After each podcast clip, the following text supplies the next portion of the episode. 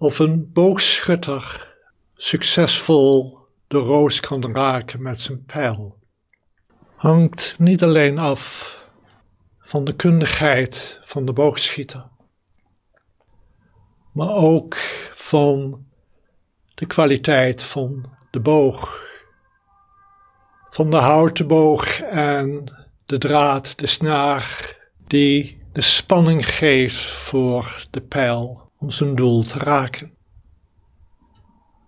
Wanneer de boog in goede conditie is, goed buigzaam is, flexibel, wanneer de draad waarmee de boog gespannen is ook flexibel is en een grote kracht kan verdragen, dan kan de boog gespannen worden en de pijl uiteindelijk zijn doel raken. De boog wordt gespannen en wanneer de pijl de boog verlaat, ontspant de boog weer. Hij keert weer naar het rustpunt terug. En dat betekent dat de boog voor lange tijd gebruikt kan worden door de boogschutter.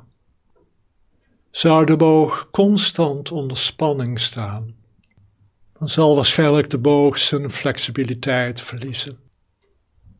De draad verliest zijn kracht. De boog wordt slap en de pijlen vliegen alle kanten op. En zo is het ook met onze aandacht.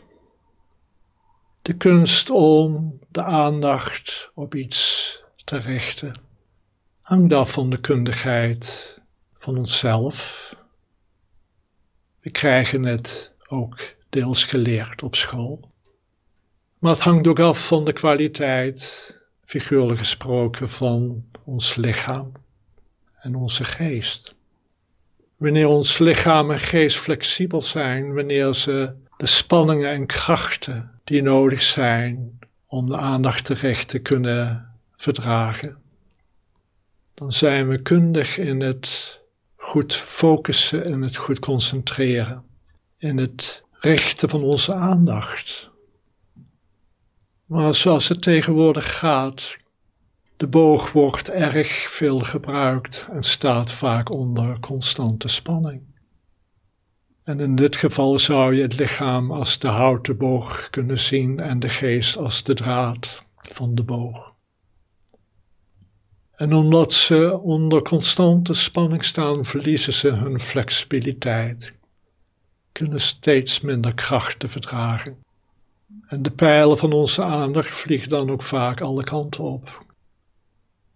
Het is zelfs al in school te merken dat kinderen steeds minder goed hun aandacht kunnen richten. Net zoals de boogschutter zullen we zorg moeten dragen voor de instrumenten die we hebben, voor het lichaam en de geest. Wanneer de aandacht eenmaal, als het ware, is gericht en de pijl de boog heeft verlaten, laat de boog weer tot rust komen, laat het lichaam en de geest weer tot rust komen, tot de natuurlijke staat van ontspanning. Blijf niet pijltjes schieten.